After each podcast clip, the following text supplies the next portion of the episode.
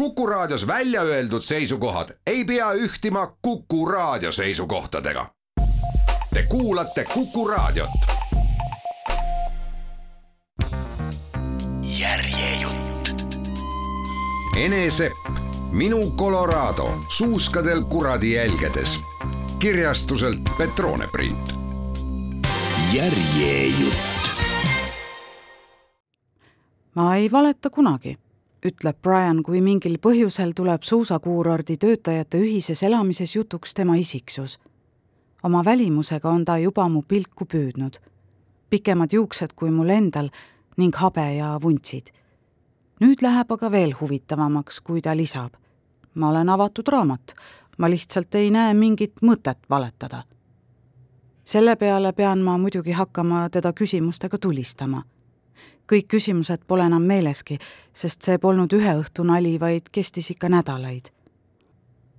mis on kõige suurem lollus, mida sa oled purjus peaga teinud? ma ei joo alkoholi. kas sul on tätoveeringuid? jaa, kolm tükki, vastab Brian ja tõmbab särgi seljast, et abaluude peal olevad mäed ja õlavarrele tätoveeritud lumehelbed ette näidata. selliseid suvalisi küsimusi on rohkelt aga ainult üks vastus lööb mu suu tõesti lukku. mida sa elult tahad? leida kedagi, kellega oma elu jagada.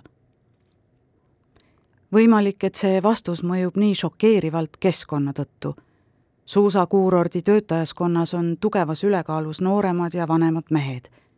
Neist vähemalt poolte peamiseks huviks on päeval töö, lauatamine ning suusatamine ja õhtul baaris võimalikult suures koguses alkoholi joomine meie koduks oleva endise hotelli elanikkond ei erine keskmisest millegi poolest, nii et Briani vastus on ootamatu. tagantjärele mõeldes võin aga targalt noogutada. jaa, just see oli hetk, kus ma taipasin, et kurja, see tüüp meeldib mulle täiega. tõsi, tunded polnud vastastikused. Brian leidis, et ma olen ilge tüütus tal on meeles üks ühine autosõit äärmiselt ebamugava vestlusega, kus mina pinnisin, et mis siis ikka toimub.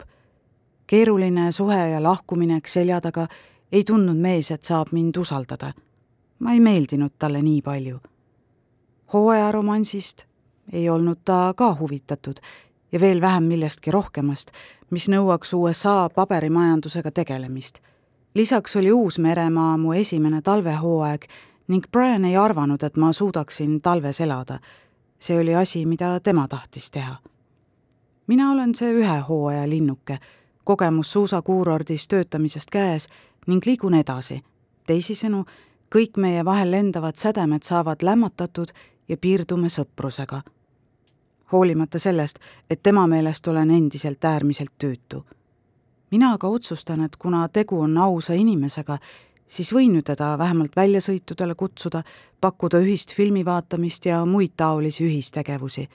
kui tal pole tuju, siis ta vähemalt ütleb. Brian sõbrana pole halb mõte ning kui asja realistlikult vaadata, siis ta ei mahuks nagunii mu tulevikku. mul on Eestis magistriõpingud pooleli ja suur huvi jätkata sotsiaaltööd ja ka mina ei taha mõelda USA paberimajandusele. kuud mööduvad Uus-Meremaa suusahooaeg saab läbi. Brian naaseb USA-sse, mina jään Uus-Meremaale, plaaniga jaanuaris läbi USA ning Colorado Eestisse sõita. küllaminek oma sõbrale. Brian küsib järgmises töökohas mu kolleeg Isabel ning ma naeratan, tahtmatult. see kujuneb kolleegide lemmikmänguks, panna mind naeratama ja punastama Briani nime mainimisega ja me suhtleme edasi. rohketes telefonivestlustes jätkame algse liiniga, lõppematute küsimuste esitamine. kui endal küsimused otsa saavad, tuleb appi Google ja miljonid küsimustikud, mida võib interneti avarustest leida. selgub, et me mõtleme väga sarnaselt. meil on ka sarnased eesmärgid ja väärtused. seda nii sellistes olulistes teemades kui poliitika ja religioon, kui ka näiteks teoreetilise lastekasvatuse ja probleemide lahendamise osas. võimalik, et suur kontrast mu eelmise suhtega on ka üheks põhjuseks, miks lihtsalt meeldimisest saab armumine ja ühel hetkel armumisest armastus. ja üks päev tulebki jutuks, et äkki ka prooviks seda kaugsuhet. vaatame, mis saab. see teeb mind nii õnnelikuks ja ajab nii ähmi täis, et Queenstowni Ulrikale külla sõites heljun justkui pilve peal. kaamera ja vahetusriided ununevad sootuks maha. ma tegelikult mõtlesin sellele juba paar päeva enne ja mängisin ideega, selgitab Brian oma mõttekäiku muidugi võib ju küsida, et kuidas saab mõte liikuda selliselt, et üks täielik tüütus kujuneb järsku naiseks, kellega kaalud abiellumist. ega Brian ise sellest ka enne aru ei saanud, kui ta juba tagasi Colorados oli ning tabas, et igatseb minu uksele koputamist. või nagu me praegu nalja viskame, ma tekitasin talle endast sõltuvuse ja enne, kui võõrutuskuur läbi sai, olimegi juba abielus ja nüüd on ta lõksus, mis lõksus.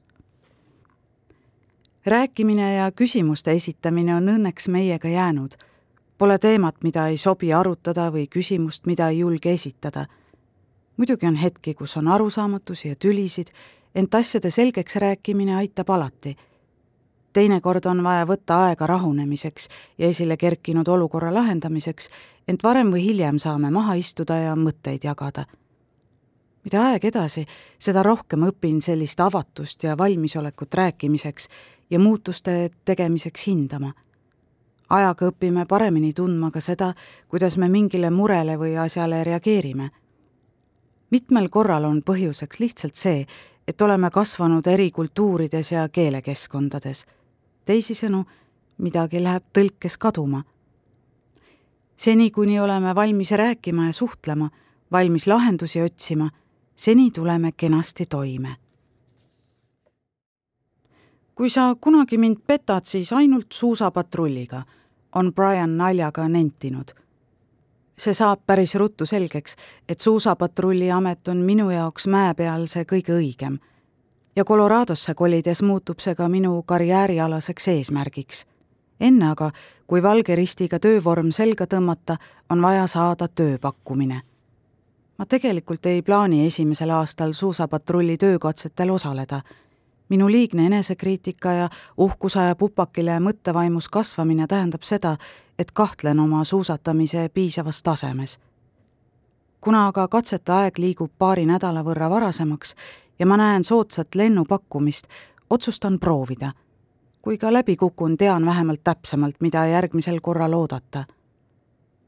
suusapatrulli katsetel osaleb ligi viiskümmend inimest katsetama võivad tulla kõik, kes hindavad end eksperdi tasemel suusatajaks ja kellel on huvi suusapatrulli kui ameti vastu. Pole ka imestada, et sellisesse suurde seltskonda satub väga erinevaid inimesi. noormees, kes oma grupiga suusaradadele suundudes paneb kaasaskantavast kõlarist muusika möürgama. patrullid paluvad viisakalt, et ehk paneks ta selle nüüd kenasti uuesti kinni. kandidaat, kes tuleb katsetele kiivrita jah, kiiver pole töövestluse juures kohustusliku aksessuaarina ära märgitud ja väga paljud patrullid suusatavad vabal ajal ilma kiivrita, ent suusapatrulli kui ohutuse eest vastutava meeskonna töövestlusele tulles on kiivri kandmine kuidagi loogiline samm. kui ta tunnistab, et see on tal juba kolmas osalemiskord, pean peaaegu et keelde hammustama, et mitte küsida, kas ta jättis eelnevatel aastatel ka kiivri koju esimene päev koosneb ainult suusatamisest. kella üheksast poole neljani, enamasti kõige raskematel, mustadel ning topeltmustadel nõlvadel. ja just mogulitel, jäiste ja üllatavate ärakraabitud kohtadega. iga tunni järel toimub hindajate vahetus. küsitakse nimesid, kirjutatakse üles särgi peal olev number ja sõitude ajal märgitakse, mida meist arvatakse me tahame näha sellist suusatamist, et lubaksin teil minu viga saanud ema mäest alla tuua, öeldakse päeva alguses. meeldetuletus, et nõlvast alla kihutamine, nii et käed-jalad seitsmes suunas käivad, ei ole see, mida nad näha tahavad. kas me hüpata võime, uudistame mingil hetkel. no võib küll, aga kui sa käna paned, jäetakse lause lõpetamata. mitte keegi meist isegi ei katseta seda, kuigi kukkumine ise ei ole ilmtingimata halb, seda ikka juhtub ja enamjaolt idiootselt. mina kukun seisu pealt, iseenda suusakeppide otsa koperdades. oma korda oodates toetun suusakeppidele ja ülemisele suusale. mugav puhkeasend, ent on oluline teada, et suusatades on õige pisut rohkem raskust alumisel suusal. olgu nad lehvitavad, ütlevad rühmakaaslased. märguanne, et aeg minna. Muudan asendit ja viin raskuse alumisele suusale. selle väikese liigutusega vajutan suusa kõrval olnud suusakepi suusa alla. see tähendab, et liikuma hakates ei saa ma suusakeppi kätte ja kukun ülepeakaela allamäge. kurat! röögatan valjult, aga ega keegi eesti keelest aru ei saa. hetkega olen püsti ja jätkan teed alla. edaspidi hoian kepid suuskadest kaugemal. Pika suusapäeva lõpus tuleb oodata kirja, kus suusaoskus tunnistatakse piisavalt heaks ja sind kutsutakse tagasi või mitte. kui kiri lõpuks tuleb, jätab mu süda löögi vahele esimene lause, mida kirja avamata näen, on lugupeetud Ene, suur aitäh, et osalesite Breckenridge'i suusapatrulli töökatsetel. Ma olen raudkindel, et sellele järgneb nentimine, et kahjuks ei olnud mu suusatamisoskus piisav ning teiseks päevaks mind tagasi ei kutsuta. kui selgub, et ikka oodatakse teiseks päevaks tagasi, on kergendus nii suur, nii suur, et puhken nutma järgmisel päeval selgub, et ma polnud ainus, kes esimese lause peale halvimat eeldas. suurem osa katsetajaid kutsutakse tagasi, sest enamik on enda suusaoskusi adekvaatselt hinnanud. Igal reeglil on muidugi erand. üks tüüp suusatas esimese musta raja lõppu, võttis siis numbriga särgi seljast ning ütles, et see pole vist päris mulle, ning suusatas minema. kirjeldab üks patrull ja lisab üle teiste naermise aga vähemalt sai ta ülejäänud päevaks tasuta pileti. suusaoskus pole aga ainus asi, mida hinnatakse. teine päev sisaldab patrulli ametioskustega seotud töötube. vaja pole näidata spetsiifilisi teadmisi, vaid vaadatakse, kuidas grupitöös toime tuled kui oled inimene, kes igas grupitöös liidri rolli haarab ja kellegi teise arvamusega ei arvesta, ei taheta sinuga koos töötada ja tööpakkumist ei tehta kui oled alati vait ja istud omaette nurgas, siis ei taha keegi veeta sinuga pikki päevi väikesesse majakesse suletult ja sind ei palgata. nii et kuidagi on vaja nende tingimuste vahel laveerida ja põhimõtteliselt jätta mulje, et ma olen maailma ägedaim inimene, kes teab, kuidas oma tööd teha ning kellega koos ei hakka ka viis tundi liftil kinni istudes igav teismelisena USA seriaale ning filme vaadates üllatas mind alati, kui inimesed minu meelest väga vajalikes olukordades kiirabi ei kutsunud. mis mõttes tuhudes naine ise rooli ronib, et haiglasse sõita või miks minnakse haiglasse viimasel hetkel, tihti liiga hilja. miks nad lihtsalt kiirabi ei kutsu?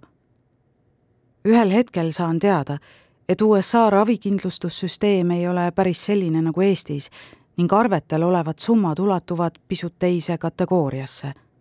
aga see reaalsus ei jõudnud mulle täiesti kohale enne, kui puutusin sellega kokku suusapatrullina, patsiendina ja patsiendi abikaasana. Suusatamine on selline tore spordiala, et mõnikord kukutakse kümne meetri kõrguselt kaljunukilt ja kõnnitakse minema paari sinikaga hiljem patrullina töötades näen nii mõnigi kord binokliga, kuidas keegi üle kivide käna paneb ja saadan patrullid juba teele. ise pole veel kutsetki saanud, no igaks juhuks, ja reeglina on viga saanud vaid eneseuhkus. Samas olen ma roheliselt ehk kõige kergemalt rajalt murtud luudega patsiente üles korjanud, nagu Brianilgi juhtus, kukud kohas, kus oled sadu kordi sõitnud, ei tee justkui midagi hullu, aga tulemuseks on vigastus, mis viib samal päeval operatsioonile, et suuremad luutükid kokku kruvida. ja kuigi me seda tol hetkel ei tea, mõjutab see vigastus meie elu ka kolm aastat hiljem. Operatsiooni järel annab arst kõigest põhjaliku ülevaate. lõikuse ajal luges ta kokku viis suuremat kildu ja kamaluga väiksemaid. lisaks sellele spiraalmurd, mis keris mööda sääreluud peaaegu põlveni välja kildude tõttu kaalus arst ka välist fiksaatorit, aga õnneks polnud seda vaja. selle asemel sai jalga hiiglaslik metallplaat, suurim, mis neil oli, ning neliteist kruvi, et kõik killud omal kohal püsiksid. On selge, et ees ootab pikk taastusprotsess, aga selle kestust ei oska isegi arstid pakkuda. esmase prognoosi järgi peaks Brian juba mõned kuud hiljem, märtsis, tagasi õpetamas olema. reaalsus on kahjuks see, et luu lihtsalt ei parane. üksteist kuud hiljem on sääreluus endiselt auk ja ees ootab teine lõikus. plaat ja kruvid, mõned neist purunenud võetakse välja ja sääreluusse pannakse nael sellest operatsioonist taastumine võtab täpselt nii kaua, et Brian jõuab kaks päeva instruktorina töötada ja siis pannakse meid koroona tõttu lukku. täiskohaga õpetamise juurde naaseb ta ligi kaks aastat pärast õnnetust. kaks ja pool aastat pärast õnnetust toimub kolmas operatsioon, et tohutult valutama hakanud jalast kruvid välja võtta. ja kes teab, äkki tulevikus peab ka neljanda lõikuse ette võtma, et nael eemaldada Briani õnnetus viskab mind pea ees USA ellu, uju või upu. esimesed paar kuud on seetõttu võrdlemisi keerulised. ma pean harjuma uue tööga, uue elukohaga, uue kultuuriga ja samal ajal pidev mure Briani pärast. kaks kuud on jalale toetuminegi kategooriliselt keelatud. alguses ei tohi ta üksi püstigi tõusta, et karkude najal kuskile liikuda. ravim A iga nelja tunni tagant, ravim B iga kuue tunni tagant ravim C iga kaheksa tunni tagant. kuidas seda ka meeles pidada, kui ravimite tõttu on mälu hägune? rutiiniks saab hommikuti lahkudes diivani kõrvale lauale valmis sättida vesi, mahl ja snäkid. samasse ka rohud ja telefoni märguanded, millal mis rohtu võtta. paar tundi pärast minu lahkumist jõuab kohale ämm, kes õhtu saabudes tagasi koju suundub. üks ots sõitu kolm tundi ent kuna koerad pole lubatud, ei saa ta ööseks jääda. ja mina ei saa koju jääda, sest värske töötajana ei ole mul mitte ühtegi tasustatud vaba päeva võimalust. aga tasuta ei saa kodus olla. rohelise kaardi paberimajandus saab läbi ja algab teine paberimajandus. pean endale kiirkorras selgeks tegema, kas, kui palju ja kui kaua Brianile haigusraha makstakse. kas füsioterapeut makstakse ka kinni ja kui töötervisekindlustus seda ei maksa, siis kas Briani enda tervisekindlustus äkki maksaks? ka selgub, et palgahüvitist ei saa taotleda enne jaanuari esimest nädalat, pühad ju vahel. olen püha viha täis, et kui on jõulud, siis üüri ei pea maksma või? Õnneks tulevad siinkohal appi USA tervisekindlustusega käsikäes käivad fondid ja organisatsioonid teeme kiirkorras taotluse fondi, mis on mõeldud just vigastada saanud suusainstruktoritele. Nemad aitavad ühe kuu üüriga. rahaliselt panevad õla alla ka Briani ema ja minu pere Eestist. Briani töökaaslased toovad hunnikutes toitu, nii et sellepärast ei pea ka muretsema. ühel hetkel jõuab kohale Briani palgakompensatsioon, mis on täiesti naeruväärne summa.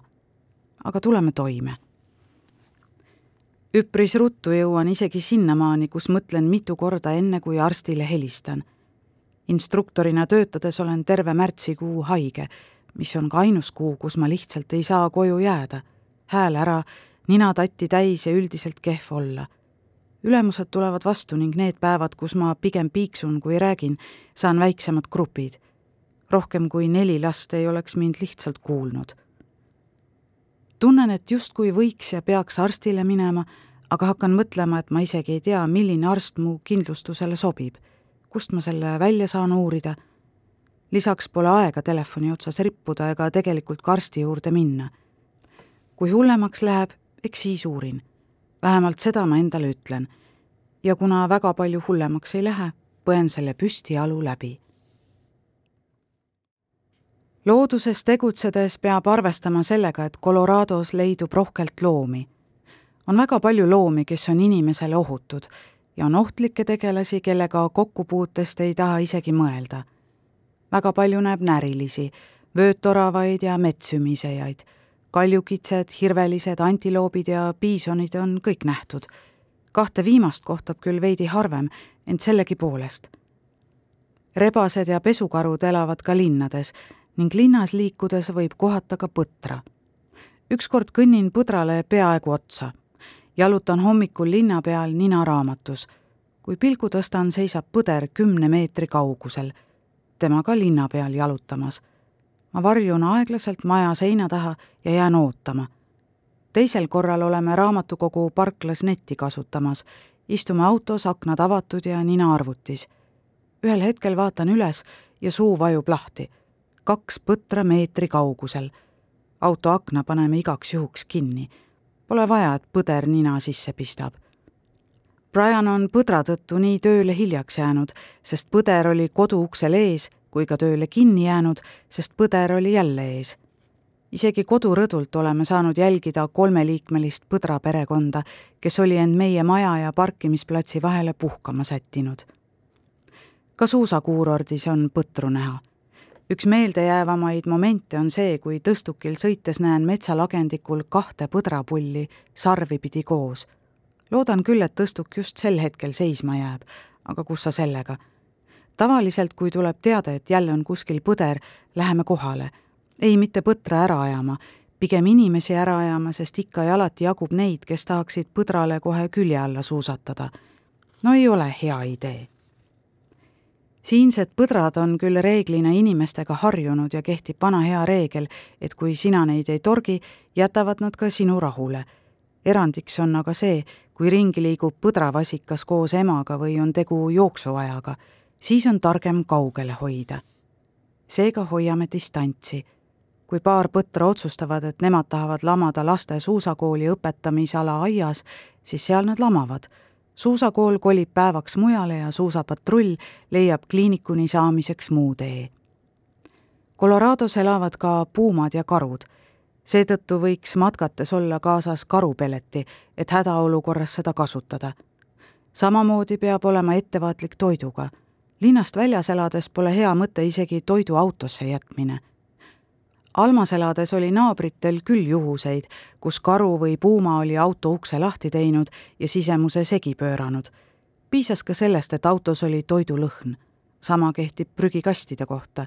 prügikastid, mis pole karukindlad, tehakse lahti ja praht tassitakse loomade poolt laiali.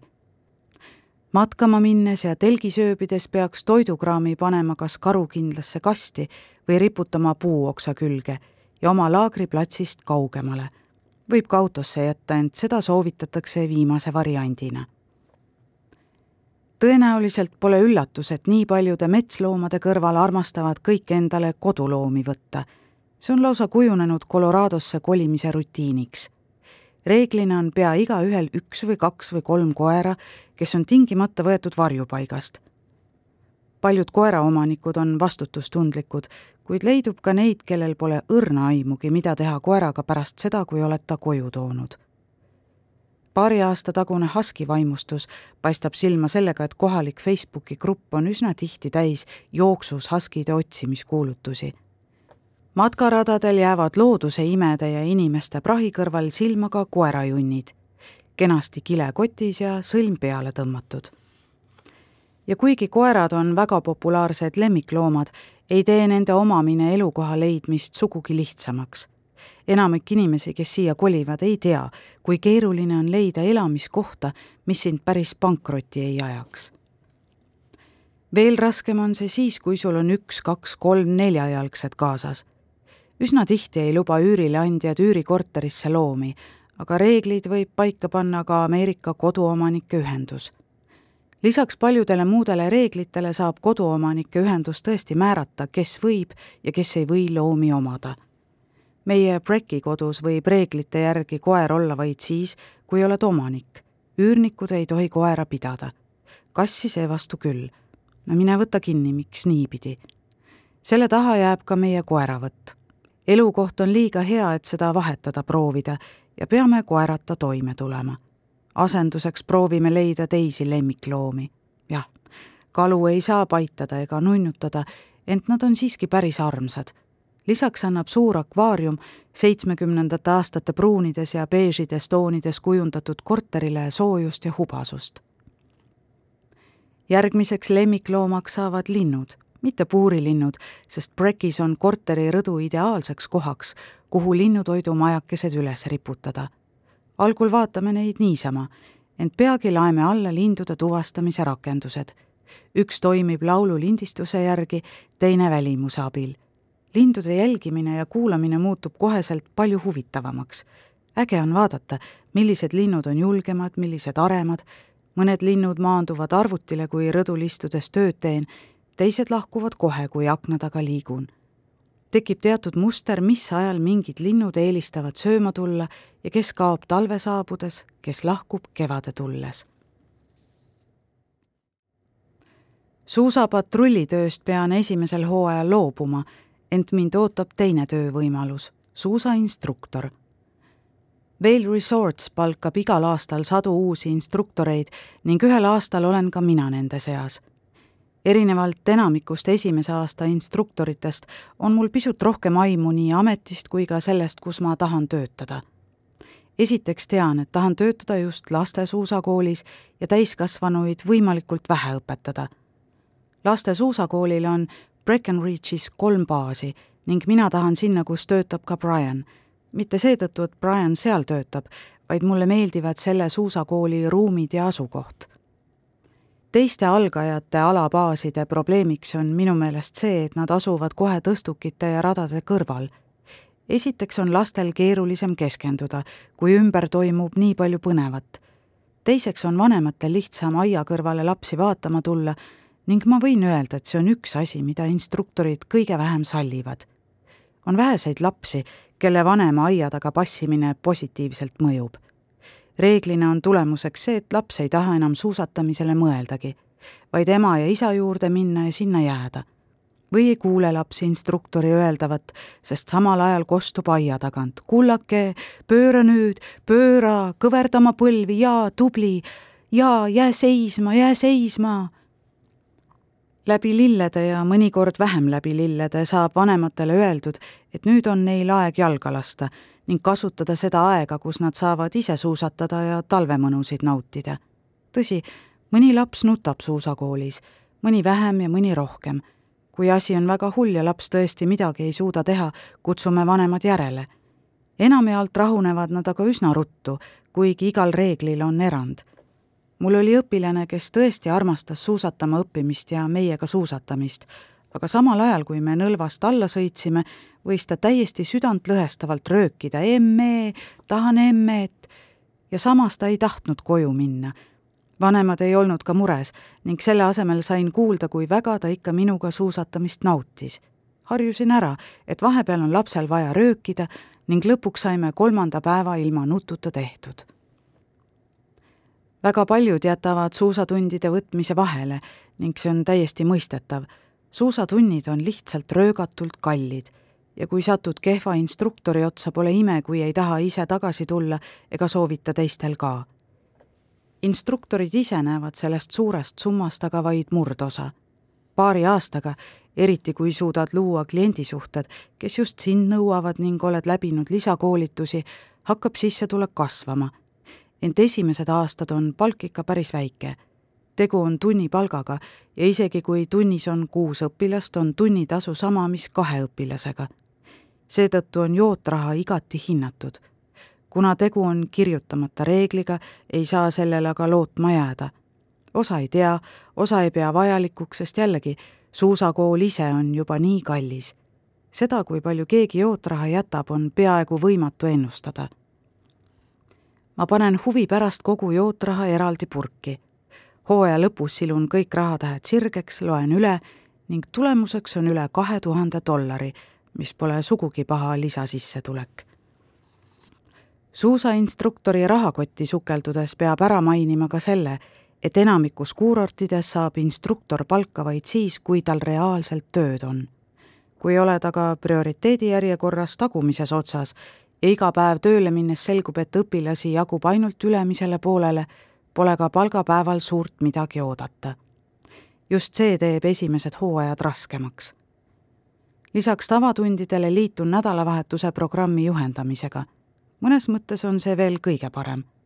mul on kuus last, iga nädal sama grupp saan näha nende edenemist ja õppimist ning teistsugust grupidünaamikat kui see, mida näeb vaid ühe päeva jooksul huvitava kokkusattumusena saab Brian mõned hooajad hiljem õpetamise juurde naastes oma nädalavahetuse rühma sama õpilase, keda mina oma esimesel aastal õpetan ja kelle ühel päeval peaaegu lumme ära kaotan. suusatan oma nädalavahetuse grupiga alla, puuder lumi iga suusataja ebajumal. lumi, millest on tehtud kõige fantastilisemad unenäod. mina kõige ees, lapsed riburada pidi järel. Peatuskohani jõudes pööran ümber ning vaatan, kuidas lapsed minuni jõuavad.